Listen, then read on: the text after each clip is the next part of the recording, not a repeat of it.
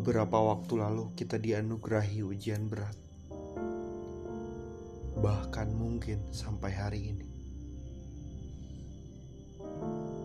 Hari-hari kita berjarak. Nafas kita disekat. Setiap detik, setiap langkah diri kita terancam punah. Hari kita bisa berakhir kapan saja. Lalu, beberapa masa datang dengan siang yang terik, malam yang dingin, hari yang pedih. Sebab beberapa dari kita terpaksa terpisah, menjauh dan bertahan sendiri. Di balik tirai rawat itu, di aliran jarum dan infus itu, pengap lelah kita alami dalam doa. Doa penghapus dosa selama terbaring. Doa dimudahkan jalan. Dipanjangkan menit kita di sini. Apa daya? Tuhan Maha Baik. Beberapa di antara kita dosanya cukup dihapus hingga waktu pun berakhir, detik pun berhenti. Waktu yang kita miliki bersama singkat, bertahun-tahun mengenal mereka yang gugur. Rasanya baru menjabat tangan erat, rasanya baru memeluk hangat tertawa lepas dalam penat dan bersedih kala rasa yang sesat.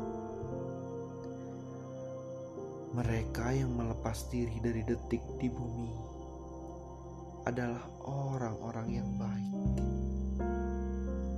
penyabar, pemimpin yang baik, ramah pada manusia,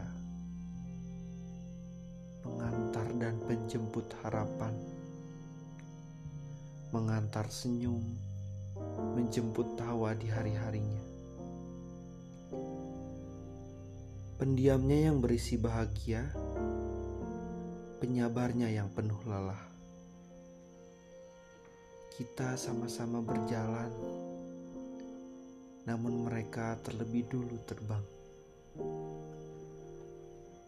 Sampai jumpa, abdi dunia. Sampai jumpa kawan, saudara, sahabat, ayah, keluarga kita semua.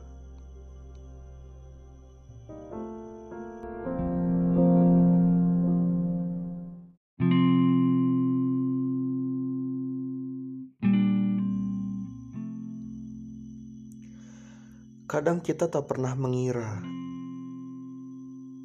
Tuhan memberi waktu kita dalam ketidakmampuan kita menebak kapan detik berakhir. Pandemi membawa kenangan pahit sekaligus pelajaran berharga.